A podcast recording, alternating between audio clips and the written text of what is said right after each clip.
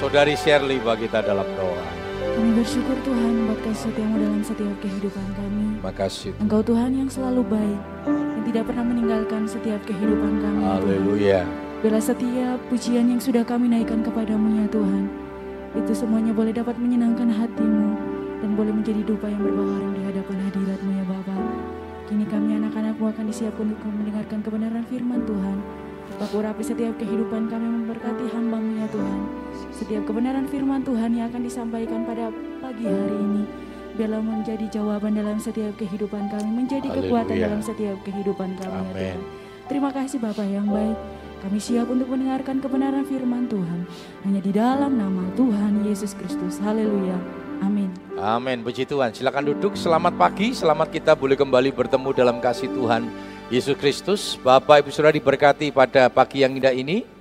Amin. Ya, kita sudah 8 hari memasuki tahun 2023.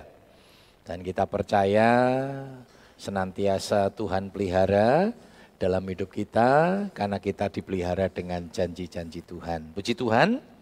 Saat ini kita akan bersama-sama melihat firman Tuhan, Tuhan di pihak kita, ya. Tuhan di pihak kita. Coba kita sama-sama melihat dalam Roma 8 ayat yang ke-31. Roma 8 ayat 31. Mari kita sama-sama sekali lagi bangkit berdiri, kita akan membaca ayat ini bersama-sama ya. Kita akan membaca ayat ini bersama-sama.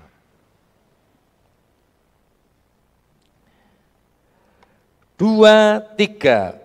Sebab itu apakah yang akan kita katakan tentang semuanya itu?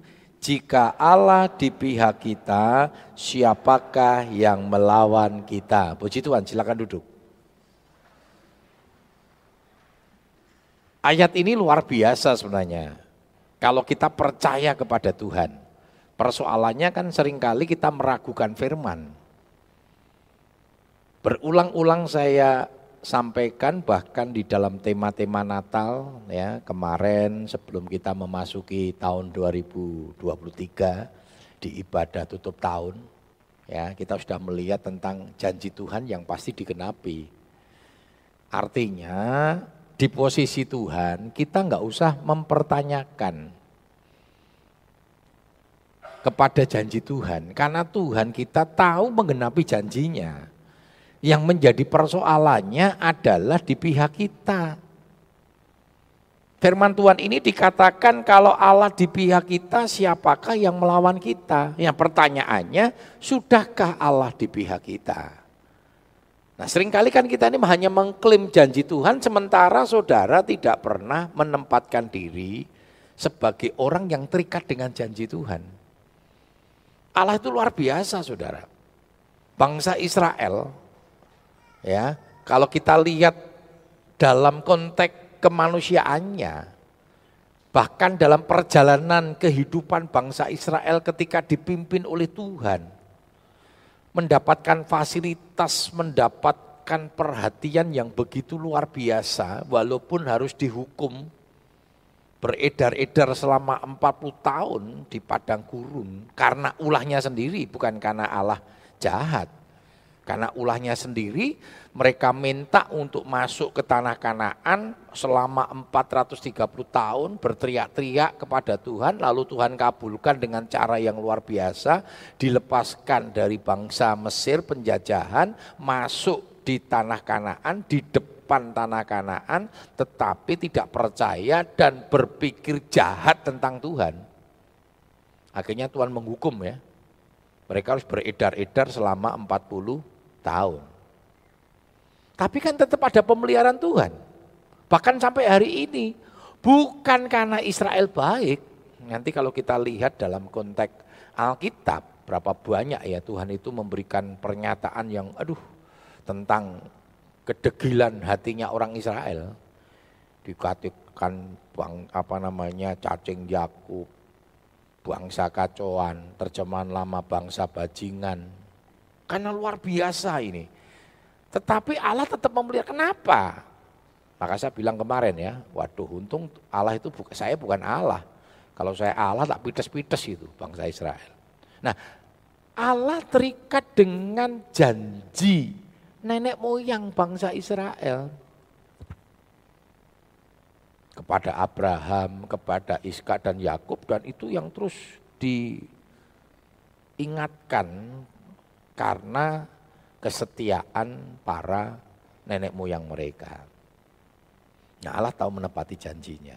Nah kalau firman Tuhan pada pagi yang ini datang kepada kita dikatakan kalau Allah di pihak kita, siapa yang lawan kita? Nanti kalau kita membaca kitab Efesus dikatakan betapa hebat kuasanya bagi setiap orang yang percaya. Luar biasa saudara. Saudara baru kenal Kapolres saja kadang bangga-bangganya luar biasa. Baru kenal Kapolsek aja bangga-bangganya luar biasa. Baru kenal Babinsa saja rasanya sudah luar biasa saudara. Apakah saudara pernah berbangga ketika saudara kenal dengan Tuhan Allah di atas segala Allah yang memiliki kekuatan yang sangat tidak terbatas kekuatan-kekuatan manusia ya yang ada di dunia ini terbatas. Kita sudah melihat peristiwa salah seorang jenderal yang akhirnya menjadi pesakitan karena sebuah kesalahan. Saya kira percaya dia akan menyesali itu. Tetapi itu membuktikan kepada kita apa? Bahwa tidak ada satu kekuatan di dalam dunia ini yang bersifat langgeng, bersifat kekal.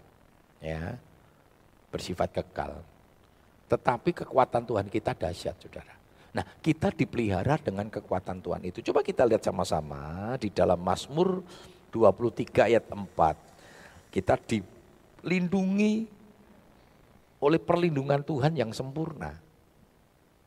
Mazmur 23 ayat yang keempat. Mazmur 23 ayat yang keempat. Sekalipun aku berjalan dalam lembah kekelaman, aku tidak takut bahaya Sebab engkau besertaku, gadamu dan tongkatmu itulah yang menghibur aku. Iya, ayat ini bagian dari perikop pernyataan Tuhan bahwa Tuhan itu adalah gembala.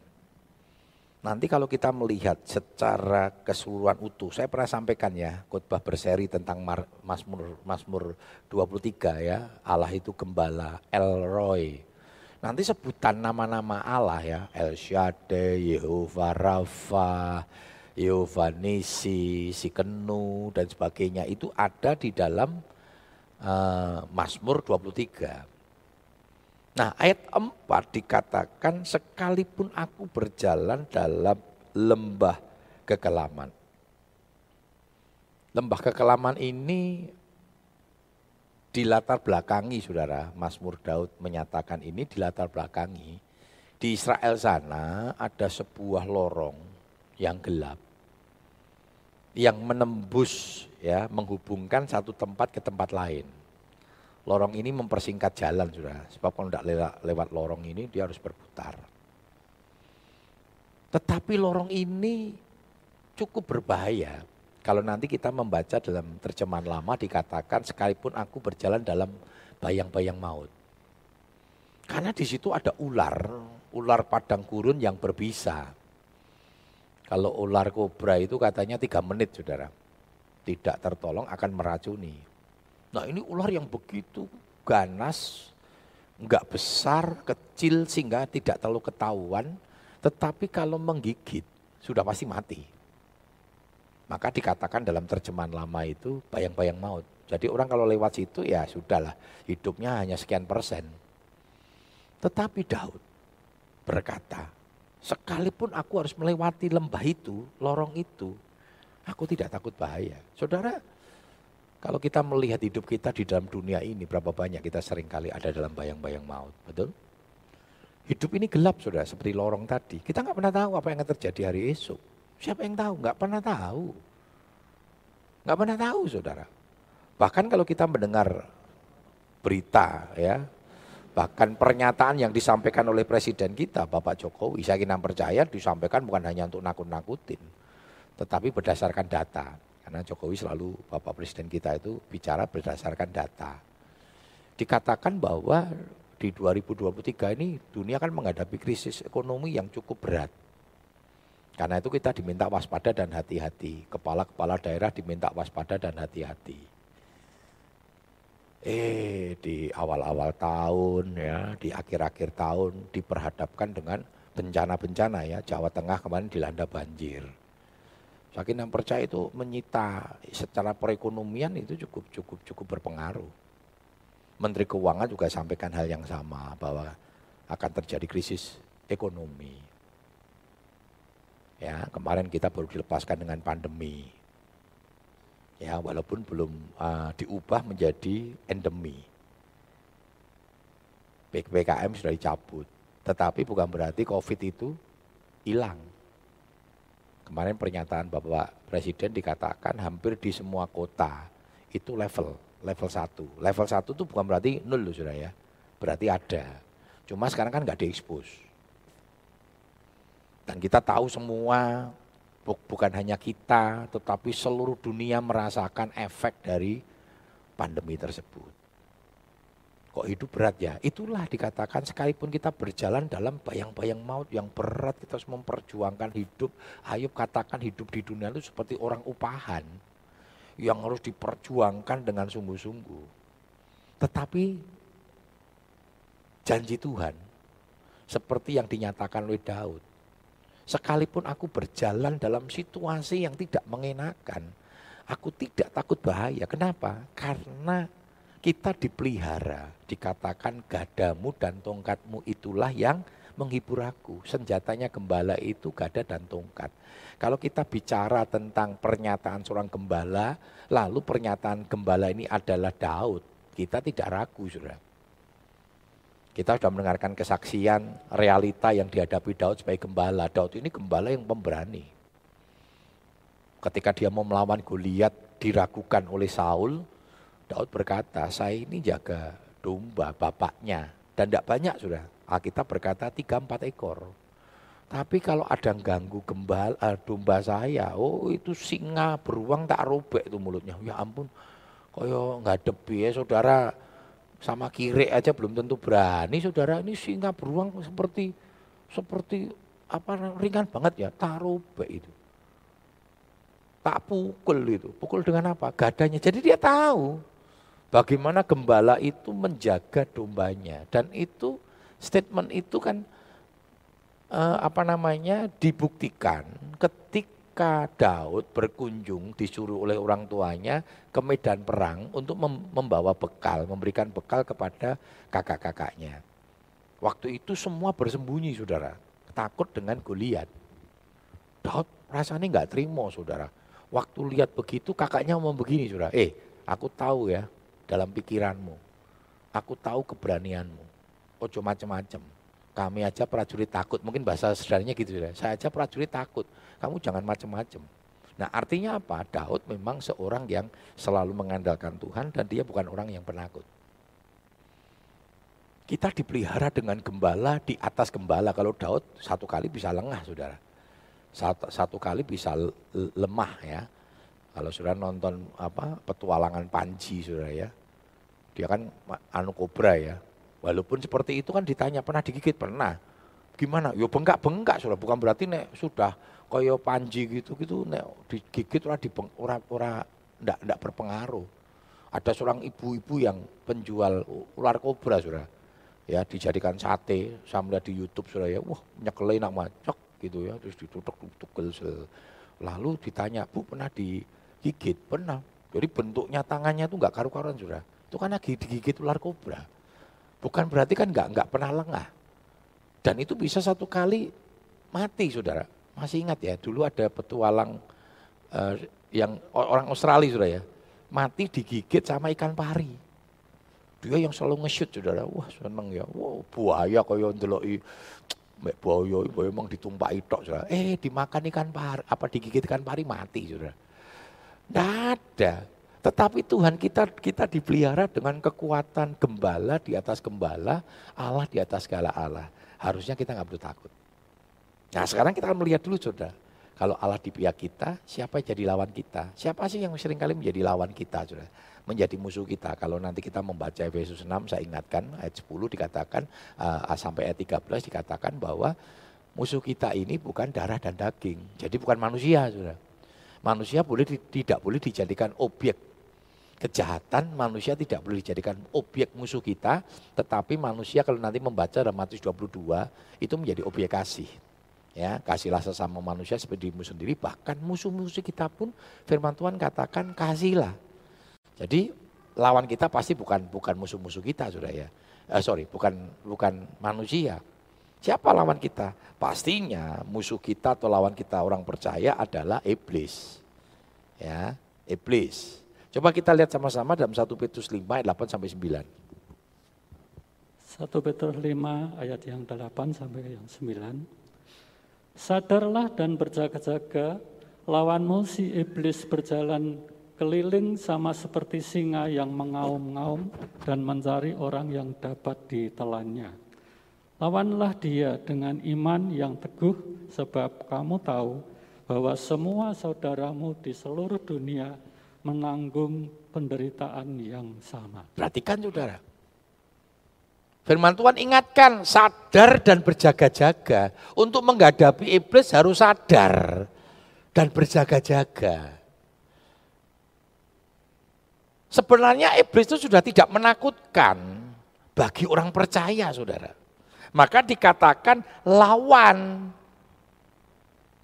Tapi sering kali kan kita jadikan iblis itu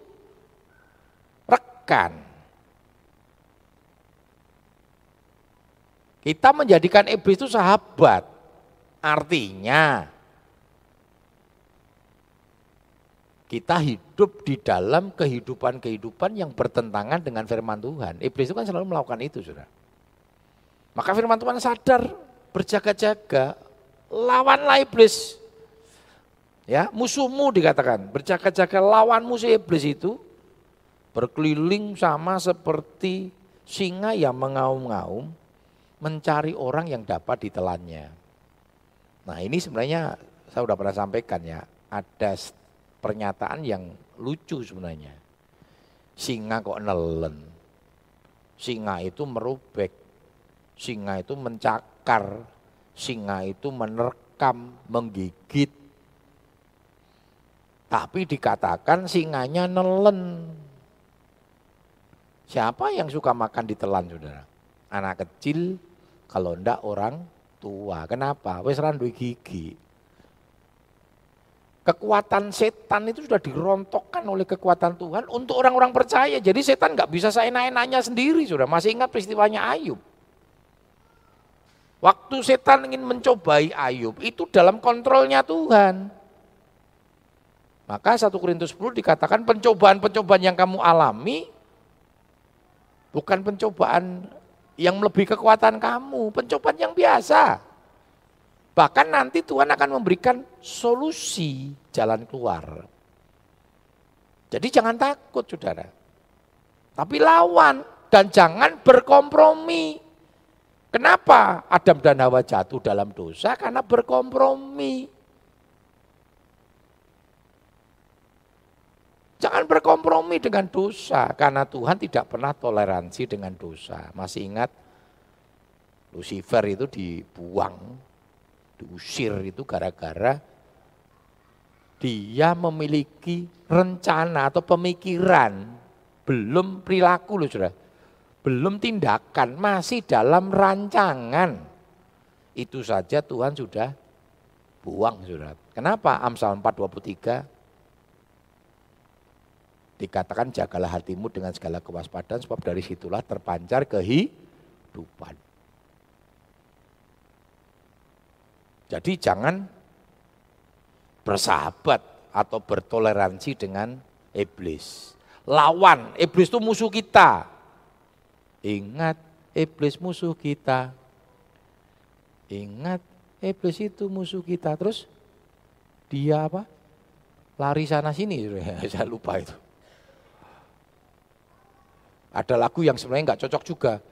Naik kereta itu ya. Iblisnya ngantuk, jalannya nubruk-nubruk, iblis kok ngantuk. Yang ngantuk itu saudara. Akhir ngoke firman Tuhan, wah ngantuk. Iblis nggak tahu ngantuk saudara. Iblis itu bekerja terus, beredar-edar cari jiwa. Ini lagu-lagu Islam itu harus hati-hati ya, guru-guru seleksi itu. Jangan diajarkan anak-anak yang lagunya ngaco-ngaco ya. Ini penting karena itu nilai nilai kebenaran yang harus disampaikan. Ya dulu kan ada ya. Pokoknya naik kereta, keretanya pokoknya supirnya ngantuk, jalannya nubruk-nubruk, itu kan gitu kan ada ya. Aduh senang apa? Aduh celaka naik kereta, kereta besar. Pokoknya, hah? oh kecil, naik iblis kecil ya? Kecil, supirnya iblis. Padahal firman Tuhan ngomong apa? Iblis ini mesti yang gede-gede saudara, betul kan? Jalan menuju menuju neraka itu gede. Ada dua jalan lebar dan sempit kan katakan. Harus hati-hati sudah. Iblis itu pinternya luar biasa, bukan maha tahu. Iblis punya pengalaman 6000 tahun lebih. Dia pinter saudara. Ya, dan tidak boleh lupa, iblis ini memang malaikat yang penuh dengan mulia. Dia bukan pemilik kemuliaan ya, dia menjaga kemuliaan. Nah, hati-hati sudah. Iblis itu bapak pembohong. Bapak pembohong. Nah, nek suka bohong ya. Bapaknya siapa saudara? Nah, saudara jawab sendiri loh, bukan saya ya.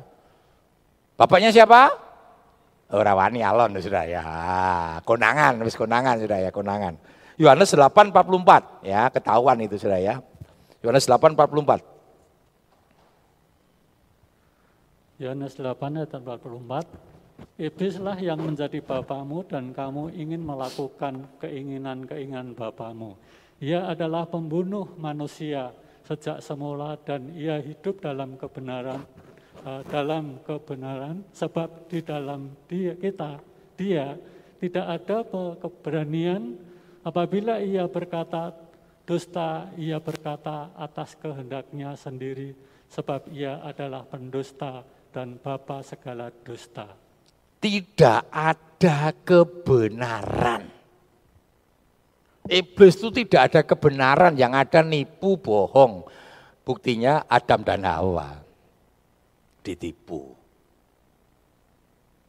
Eh akhirnya jatuh lah si Adam dan Hawa bisa ditipu. Kenapa? Karena memberikan toleransi. Karena itu jangan hidup dalam toleransi dengan dosa. Eleh, ndak apa-apa, ndak usah terlalu kudus-kudus. Sedikit-sedikit berbuat serong ndak apa-apa, nggak bisa saudara. Dosa itu selalu dimulai dari perkara-perkara kecil. Terjadinya perselingkuhan, terjadinya persinahan, itu kan tidak mungkin serta-merta ono orang cantik di jalan lalu kita panggil, mbak, mbak, mbak, yuk selingkuh yuk. Oh ditapuk saudara. Tapi kalau dalam bahasa Inggris, Inggris kuno, itu dikatakan wong trisno jalaran soko kulino. Betul ya? Kalau dalam bahasanya keguyonan, pitik itu nek dilibeti, dikerei samben dino ya, coba lihat ya betina itu ya.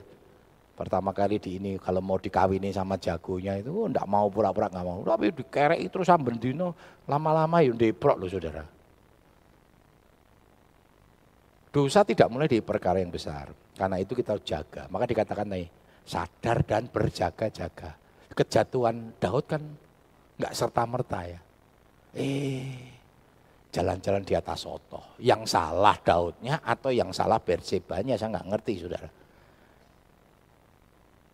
Apa sengojo tahu ini Daud pasti jam-jam sekian jalan-jalan di soto bawa ember ratus di situ. Ya, saya nggak ngerti juga saudara ya. Nah kita lihat sama-sama, akhirnya jatuh dalam dosa. Lawan yang kedua apa saudara? Musuh orang percaya yang kedua, yang pertama iblis. Jangan pernah bertoleransi bapaknya pembohong, dusta, nggak ada kebenaran. Ya. Yang kedua, musuh orang percaya adalah sifat-sifat duniawi. 1 Yohanes 2 ayat 15 hingga 16. 1 Yohanes 2 ayat 15 dan 16. Janganlah kamu mengasihi dunia dan apa yang ada di dalamnya. Jikalau orang mengasihi dunia, maka kasih akan Bapa tidak ada di dalam orang itu. Sebab semua yang ada di dalam dunia yaitu keinginan daging dan keinginan mata serta keangkuhan hidup bukan berasal dari Bapa, melainkan dari dunia. Perhatikan saudara, ini yang selalu dicobai. Yang dilakukan oleh iblis untuk mencobai manusia. Tiga hal ini. Adan dan Hawa dicobai dengan tiga hal ini. Tuhan Yesus dicobai dengan hal ini, tapi bedanya Tuhan Yesus tetap kuat. Bahkan jelas dikatakan kalau kamu mengasihi dunia, sifat-sifat dunia ini, kasih Bapak nggak pernah ada dalam hidup kita. Apa itu? Kinan daging, kinan mata, dan keangkuhan hidup. Ini yang selalu menggoda kita. Kinan daging. Makanya firman Tuhan katakan matikanlah keinginan daging. Supaya daging kita, tubuh kita bisa memuliakan Tuhan. Memang tubuh itu maunya dienak-enakan, saudara. Kinan mata. Luar biasa, saudara. Sekarang ini banyak tempat-tempat wisata, saudara ya. Itu memang untuk memuaskan keinginan mata itu. Ini hati-hati, untuk wisata itu kan butuh jen saudara ya, butuh duit. Butuh apa itu? Apa namanya kalau anu apa? Orang Betawi bilang apa saudara? Fulus. Nek meng pergi wisata, menglihat-lihat tok ya kecut. Ya, kemarin ke rombongan kami, saya ini jarang pergi-pergi saudara pas kebetulan datang dari Jakarta keluarga ya, ya wis ke mana ya bingung juga ya ke mana ya, ketep udah pernah. Ya. Maksudnya neng ketep kan murah meriah sudah ya, paling banter kan jagung bakar. Wis ora usah mlebu lah, mlebu yo larang. Neng ngarepe jagung bakar kan murah sudah, mangewu, warek malan. Ya, kenyang malan. Mana ya, udah pernah, ketep udah pernah. Mana lagi ya? Cimori, saya bilang begini, Cimori Ungaran, rame, percuma. Padahal mungkin ora larang lah saudara ya. Mangane sosis, waduh saudara. Hmm, terus muncullah, eh ada Cimori yang di Boyolali. yang baru. Ya wes kita ke sana saudara. Ya bersyukurlah makanannya tidak seperti cimori-cimori ya. Kalau cimori-cimori kan susus-susus yang harganya dilihat tidak enak loh. Sosis itu malah ke loro ya, wes cuma mangan sosis. Gedok eh baik, gedok. Di sana ternyata menunya nggak seperti itu sudah, hanya bento-bento sehingga ya, ya lumayan murah lah. Tapi kan nggak bisa, nggak bisa saudara ya kan, nggak bisa sak piring berdua gitu ya. Makanya saya sering kali kalau sama anak-anak, staf dan sebagainya makan begitu sudah ya di satu. Saya memang selalu membebaskan mereka mau makan opo sakarepmu. Pokoknya setiap minggu malam sudah ya. Nah saya tuh senengnya cuma mie sudah ya. Ada apa-apa, ya Indomie rebus aja sudah ya. Anak saya ngomong, papi ini sejak mangan lagi ini Indomie rebus, Indomie di rumah saja. Ya saya bilang begini sama anak-anak, saya ini prihatin saya tak indomie rebus wae supaya kalian bisa makan enak sudah ya. Ngombe ini teh tawar ya tuh. Rasa sing syik syik di syik syik malah mumpet saudara ya. Loh butuh biaya? Nggak ada itu. Kinan-kinan mata kan butuh biaya maka harus hati-hati sudah ya. Kalau kita doa saya setiap pagi begini sudah Tuhan berkati setiap umat-umatmu dalam setiap usaha pekerjaan mereka. Ya lalu apa namanya supaya apa melalui berkat-berkat ini apa, dapat mencukupkan kehidupan kami dan ajarkan kami belajar mencukupkan diri dengan berkat yang ada dan mengelola berkat itu dengan baik. Itu doa saya setiap pagi, Saudara. Yohanes kan tengah negur ya. Cukupkanlah dengan gajimu, jangan memeras. Nah, Saudara, kita mau belajar. Ya, keangkuhan hidup. Nah, hati-hati, Saudara. Kesombongan, ini kan luar biasa hari-hari ini. Itu sifatnya iblis, sombong. Ya. Nah, saudara, karena itu firman Tuhan ingatkan sama kita dalam Roma 12 ayat 2, supaya kita tidak serupa dengan dunia. Karena kita bukan anak dunia, selalu dibedakan antara anak Tuhan dan anak dunia. Coba kita lihat dalam Roma 12 ayat yang kedua. Roma 12 ayat yang kedua. Jangan Janganlah kamu menjadi serupa dengan dunia ini, tetapi berubahlah oleh pembaruan budimu, sehingga kamu dapat membedakan manakah kehendak Allah, apa yang baik, yang berkenan kepada Allah, dan yang sempurna. Iya, jangan serupa dengan dunia ini dikatakan tetapi berubahlah dalam pembaharuan budimu. Artinya orang manusia lama itu hidupnya sesuai dengan nilai-nilai dunia. Maka dikatakan dalam satu Korintus ya, manusia baru itu yang lama sudah berlalu, yang baru datang. Yang lama apa? Yang lama itu hidup serupa dengan dunia.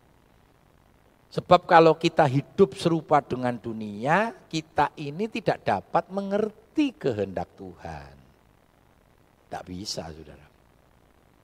Karena itu mari kita belajar. Ya, belajar. Memang dunia itu menggiurkan. Buktinya Adam dan Hawa jatuh. Buktinya tokoh-tokoh Alkitab jatuh. Memang menggiurkan, saudara. Tawaran-tawaran itu menggiurkan. Tetapi sekali lagi saya katakan, hidup di dalam dosa tidak pernah membawa kepada damai sejahtera sukacita. Karena kita kan kehilangan damai sejahtera pasti. Itu utama sudah. Ketika engkau berbuat dosa, hal yang pertama yang kau alami apa? Engkau pasti kan kehilangan damai sejahtera. Yang ada takut. Adam dan Hawa takut. Ya, baik ketika ketemu dengan Tuhan. Saya kira percaya ketika engkau berbuat dosa, engkau tidak berani nyembah Tuhan, sudah. Karena kita kan kehilangan damai sejahtera itu. Pasti. Karena itu kita jaga hidup kita. Kita perlu kekuatan Tuhan. Mari kita punya komitmen, kita punya resolusi untuk memasuki tahun 2023. Untuk kita hidup senantiasa ada di pihak Tuhan. Sekali lagi, bukan bukan posisinya Tuhan yang kita pertanyakan adalah kita apakah posisi kita ada di pihak Tuhan.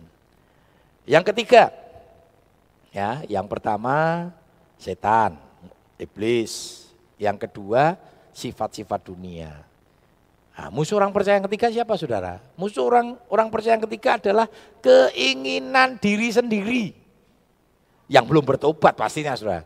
Sebab kalau sudah bertobat, keinginannya pasti melakukan kehendak Allah. Seperti dalam, dikatakan dalam Matius 7 21 ya. Bukan setiap orang-orang yang menyebut nama Tuhan Tuhan yang masuk dalam kerajaan surga, tetapi yang melakukan kehendakku. Tantangan untuk melakukan kehendak Tuhan itu adalah kehendak diri sendiri. Ya, Yakobus 1 14 ayat yang ke-15. Yakobus 1 ayat 14 sampai 15. Tetapi tiap-tiap orang dicobai oleh keinginannya sendiri, karena ia diseret dan dipikat olehnya. Dan apabila keinginan itu telah membuahi, ia melahirkan dosa, dan apabila dosa itu sudah matang, ia melahirkan maut. Iya, dikatakan jikalau keinginan itu telah dibuahi, ia melahirkan dosa. Ini proses. Seperti yang saya sampaikan tadi. Karena itu kita harus jaga keinginan kita. Maka firman Tuhan katakan jagalah hatimu dengan segala kewaspadaan. Memang daging tuh maunya kan nggak bisa saudara. Maka firman Tuhan kata matikanlah keinginan dagingmu, daging ini harus dimatikan. Perbuatan-perbuatan daging telah nyata kan, dikatakan dalam Galatia 5 itu. Percideraan, iri hati, dengki, kemarahan. Itu firman Tuhan katakan matikan.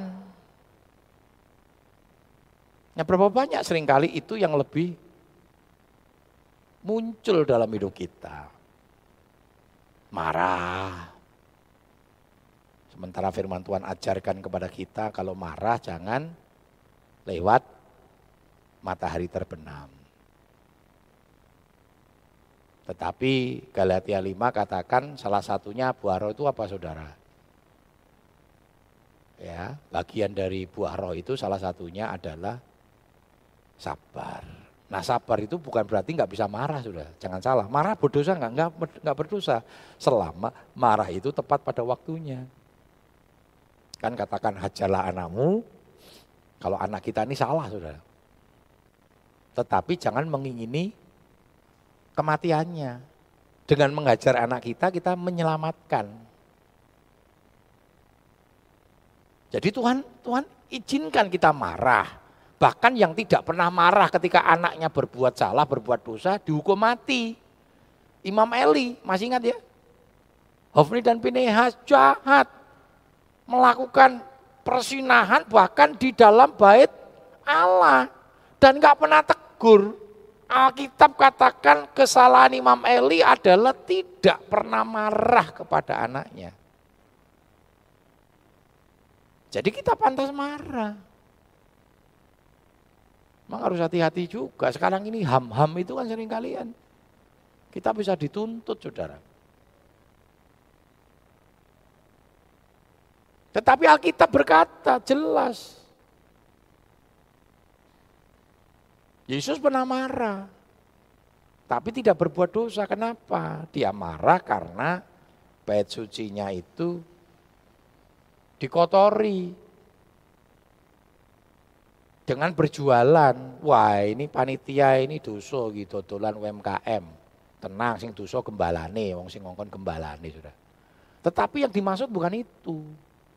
Kenapa? Karena yang berjualan itu adalah imam-imam, para lewi. Kita masih ingat orang-orang kalau pergi ke bait Allah, kuncinya apa? Membawa persembahan. Ada yang kambing domba, yang menengah, yang kaya lembu sapi, yang miskin burung tekukur atau sepasang burung mer, merpati. Dan nanti kalau kita melihat untuk membawa persembahan itu harus ada standar. Standarnya apa? Satu tahun, tidak boleh bercacat celah. Nah ini dicari saudara, mana ada binatang manusia sekalipun, wah wayu. Neng kecut. Ya rapopo saudara, orang itu kan tidak ada yang sempurna. Ada nggak sempurna saudara? Cantik, keringete, ambune kaya mawar gitu ya. Wah, irunge bangir, rambutnya bagus, wah mulus, nggak ada saudara. Wong ada pepatah katakan tiada gading yang tidak re, retak. Saya punya teman ganteng saudara, teman hamba Tuhan. Neng nek jejer sama dia orang kuat saya. Baunya itu menyengat. Berbeda gitu. Waduh saya nggak kuat tenan saudara. Wis nggak kuat. Ya sampai saya ngomong, mbok kowe tuku parfum, Ya dicurut-curut-curut gitu saudara. Wes wes nganggu parfumnya kalah loh saudara. Ya lama-lama ya sudahlah dinikmati saja. Ya, gini. Artinya apa tuh saudara? Tidak ada yang sempurna. Nah ini binatang dicari sama dia. Nah ini ono kutilnya. Enggak boleh. Nah zaman dulu kan enggak seperti zaman sekarang. Sentralnya mereka di Yerusalem. Mereka yang datang dari luar kota, kalau kon pulang ngambil lagi kan sudah habis waktunya. Nah akhirnya berjualanlah para imam-imam. Nah ini punya binatang-binatang standar, lolos apa itu, screening untuk bisa menjadi korban. Nah kadang binatang-binatang itu tidak di mbak pulang lagi ya daripada mbak pulang lagi repot wis tukar tambah. Wah ini kan jahat saudara. Maka Alkitab katakan apa? Ini seperti kau buat sarang penyamun ini. Bait Allah ini. Kau yang harusnya tugasnya melayani Tuhan, ternyata malah berdagang.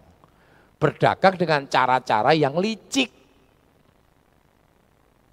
Maka Tuhan marah.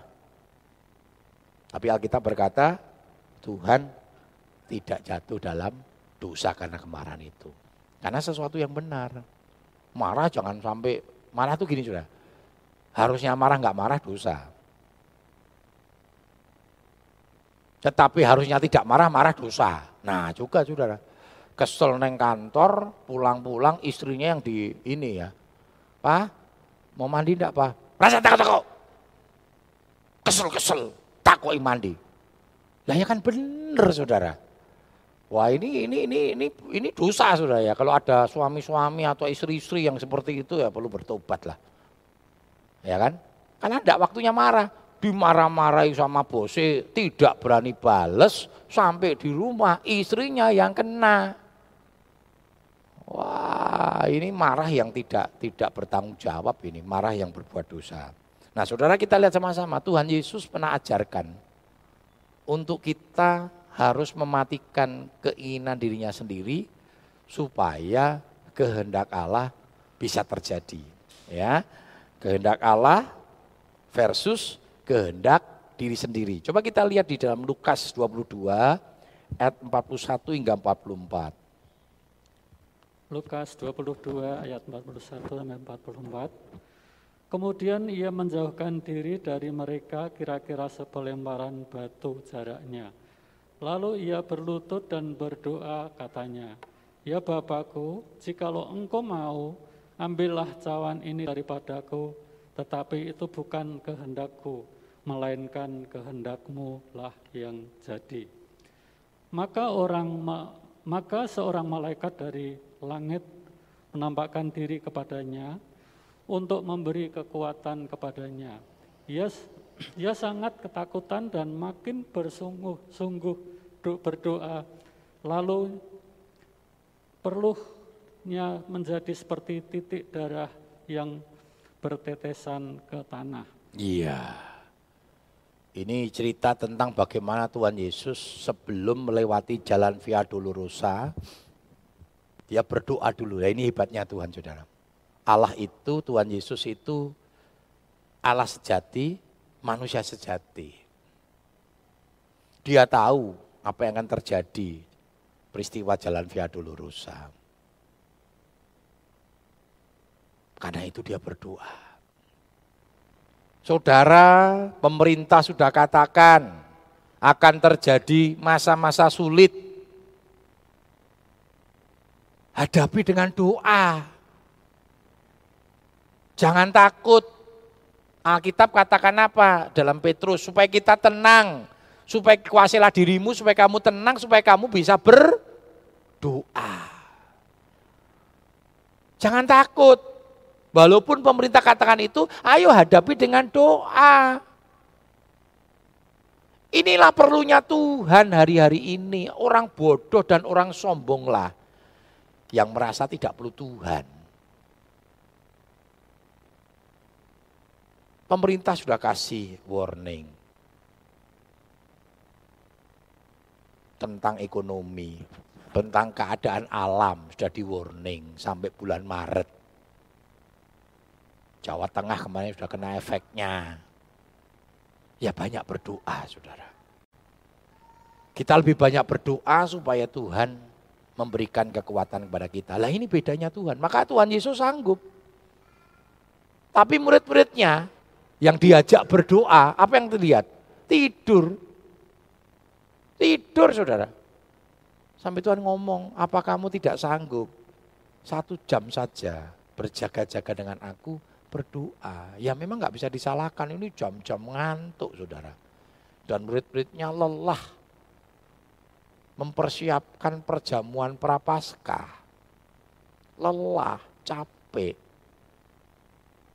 Tuhan ngomong, berjaga-jagalah. Roh memang penurut tetapi daging le, lemah.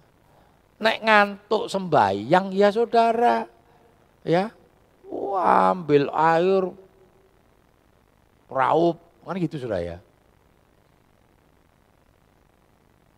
Kita harus lawan itu.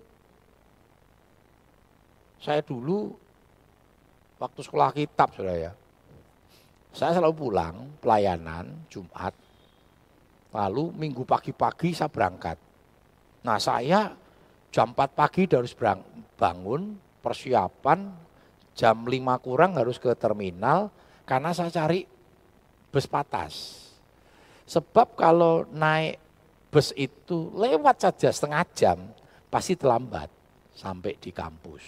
Tapi kalau jam 5 itu tepat, itu patah saudara. Itu berangkatnya sampai kampus bisa cuma satu jam. Nah, jam pertama pas jamnya opa batu bara. Nah, saudara jemaat lama tahu ya, opa batu bara ini kan orangnya, waduh, kalem sudah ya. Kalau ngajar itu semakin menina bubukkan. Saya itu kalau tidur paling seneng mendengarkan apa uh, wayang kulit gitu sudah ya, lagu-lagu langgam. Waduh itu nek ngerungok ke itu tidur itu wah enak banget saudara. Abu ikannya raiso sudah, tapi lama-lama bisa juga sudah. Wah saya baru tahu sudah di stasiun di Jogja sana itu setiap hari menyiarkan radionya tuh menyiarkan itu. Kadang bisa sampai pagi sudah. Ya buat rungon-rungon aja. Ya itu seperti pengantar tidur. Nah itu seperti itu sudah. Waduh, saya jam pertama deklak, dekluk. Padahal saya perlu pelajaran ini ya, deklak, dekluk. Saya keluar izin cuci muka sampai gebiur ya buah saya, oh sih ngantuk ya saudara. Karena begini saudara, kalau supir-supir ngomong begini, sopir itu nggak boleh cuci muka, sebab itu membuat ngantuk. Mungkin hari itu, waktu itu langsung seger tapi tidak lama kemudian ngantuk. Nah saya ngomong sama Opa Batu Bara pada waktu itu. Opa, boleh nggak saya melakukan sesuatu tetapi melanggar, saya bilang. Melanggar aturan. Loh, kamu pertanyaannya loh. Melanggar peraturan kok tanya boleh enggak? Ya enggak boleh. Enggak opa, saya berikan penjelasan dulu. Kalau opa tetap bilang enggak boleh, ya enggak apa-apa saya bilang. Apa? Saya ini setiap kali jam pertama ini ngantuk. Saya ceritakan saya pelayanan begini pagi-pagi jam pas sudah bangun tidurnya minggu pun pasti malam. Saya memang terbiasa tidak tidur, tidak bisa tidur sore. Saya ngantuk sekali. Nah boleh enggak setiap kali pelajaran opa saya makan marning atau kacang. Sebab kalau cuma cuci muka ngantuk lagi. Cuci muka dia bilang, sudah opa. Makanya opa sering kali saya keluar tuh cuci muka sampai rambut tak basah yang ngantuk ya. Tapi kalau boleh marning atau kacang saya makan. Boleh nggak opa? Kalau nggak boleh nggak apa-apa. Tapi saya ngantuk. Dan saya tuh selalu duduk di depan saudara. Kan ketok banget ya. Waduh enggak. Ya sudah, nah, opa kan baik hati. Ya sudah, jangan ketahuan. Ya sip. Ya, pokoknya ketawa sudah sambawa gitu, si ciklek. Dimuti wae sudah dimuti. Entek kan cuwe sudah. Ya memang kita harus ber, berjuang. Saya nggak mau kelewatan pelajarannya Opa. Opa ngajar kitab kejadian waktu itu. Sama. Tidak bisakah kita berjaga satu jam saja, daging kita lemah. Firman Tuhan ngomong, roh menurut tapi daging lemah. Makanya Tuhan berkata apa? Kalau boleh, ini manusianya ya. Cawani lalu daripadaku. Ini bicara tentang penyalipan. Dagingnya ya berat tuh saudara.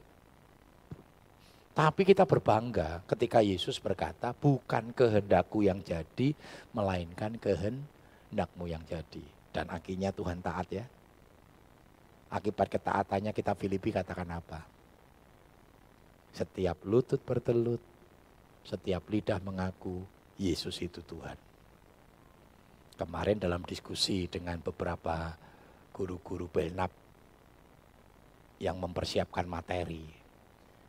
Sempat ditanya, nama Yesus itu gimana om? Loh, kalau bilang nama Yesus di Israel itu sebelum Yesus lahir, ada nama Yesus sudah. Saudaranya Yesus saja namanya Yesus saudara.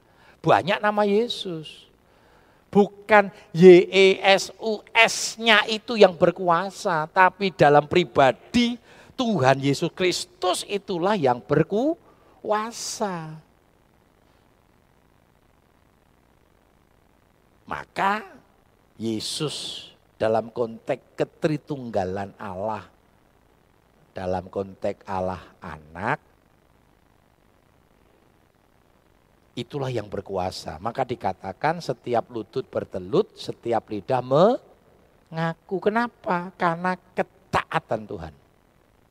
Sehingga sekarang kita menyembah, kita mengagungkan nama Yesus. Mari pagi yang indah ini jangan mempertanyakan apakah Allah di pihak kita. Yang kita pertanyakan adalah hidupmu. Sudahkah engkau ada di pihak Allah? Engkau meresponi setiap kasih Tuhan? Engkau hidup dalam anugerah Tuhan? Maka kita semua akan menikmati janji-janji Tuhan. Tidak perlu mempertanyakan janji Tuhan karena Tuhan tahu menggenapi janjinya. Puji Tuhan. Bapak bekti bagi kita dalam doa. Terima kasih Tuhan, bersyukur kami kepadamu kalau pagi hari ini kami boleh mendengar kebenaran Tuhan yang begitu indah dijabarkan pagi hari ini. Yesus adalah penolong kami, siapa yang dilawan kami, kalau bukan hanya Yesus yang menjadi kekuatan kami hambamu yang sudah berhenti berbicara. Tuhan pakai semakin luar biasa untuk menyampaikan kabar berita keselamatan yang datangnya dari Tuhan. Untuk menjadi berkat buat kami menjadi kami semakin mengerti kami mau belajar untuk semakin dewasa di dalam Tuhan. Dan bila setiap kami mau merenungkan setiap firman-Mu terlebih kami mau menjadi pelaku firman Tuhan. Terima kasih Tuhan kalau kami sudah menikmati uh, penyampaian firman Tuhan pagi hari ini hanya di dalam nama Tuhan kami Yesus Kristus. Haleluya. Amin.